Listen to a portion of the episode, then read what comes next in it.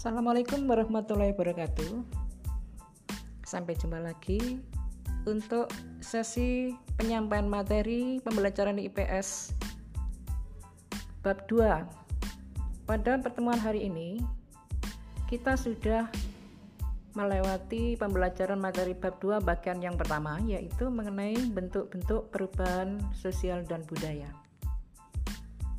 Untuk memulai pelajaran hari ini, marilah kita berdoa bersama-sama. Berdoa dimulai.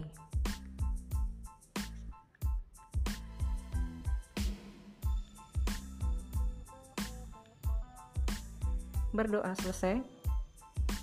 Baiklah anak-anak, untuk hari ini materi kita melihat tema perubahan sosial dan budaya dalam sub Bab faktor penyebab perubahan sosial budaya.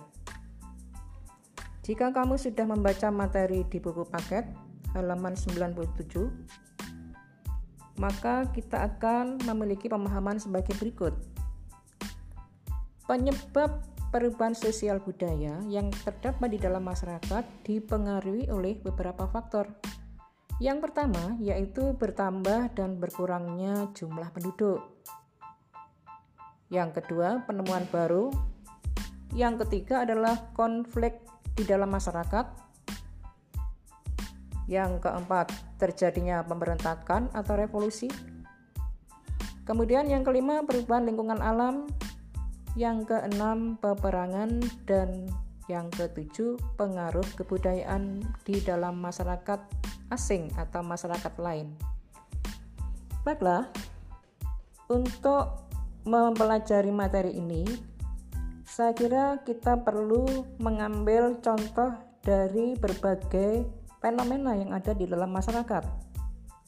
Kita ambil contoh misalnya perubahan budaya yang ada di dalam masyarakat dengan adanya atau terjadinya perubahan lingkungan alam akibat pandemi corona atau COVID 19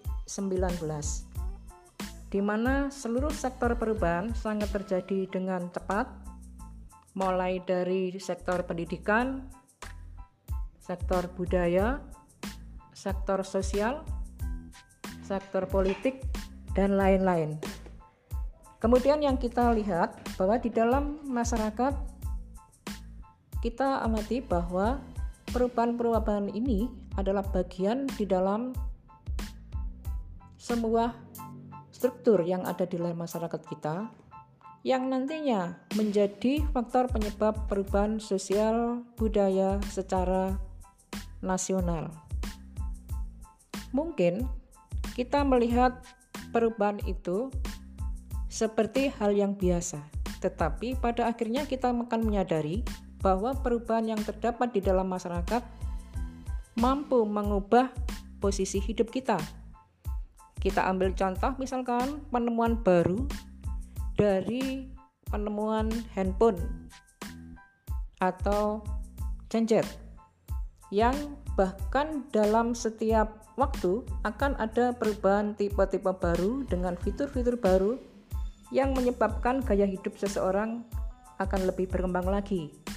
Belum lagi pertemuan penemuan itu dalam berbagai bidang misalnya transportasi, komunikasi, kemudian di dalam bidang pariwisata, di dalam sektor ekonomi global, semuanya akan menjadikan kita menjadi hidup lebih baik lagi dan lebih modern, lebih simpel, dan harapan kehidupan ke depan akan lebih baik lagi. Baiklah, anak-anak, untuk lebih jelasnya, kamu bisa membaca materi buku paket IPS halaman 97 sampai dengan 100 sembilan ya. Di sana banyak uraian yang bisa kita lihat. Bahwa di dalam perubahan sosial itu mencakup berbagai faktor yang tadi sudah Bu Endang terangkan ada tujuh faktor dan masing-masing faktor proses perubahan ini mengakibatkan timbulnya budaya baru atau sosialisasi baru yang terdapat di dalam masyarakat. Oke. Terima kasih. Assalamualaikum warahmatullahi wabarakatuh.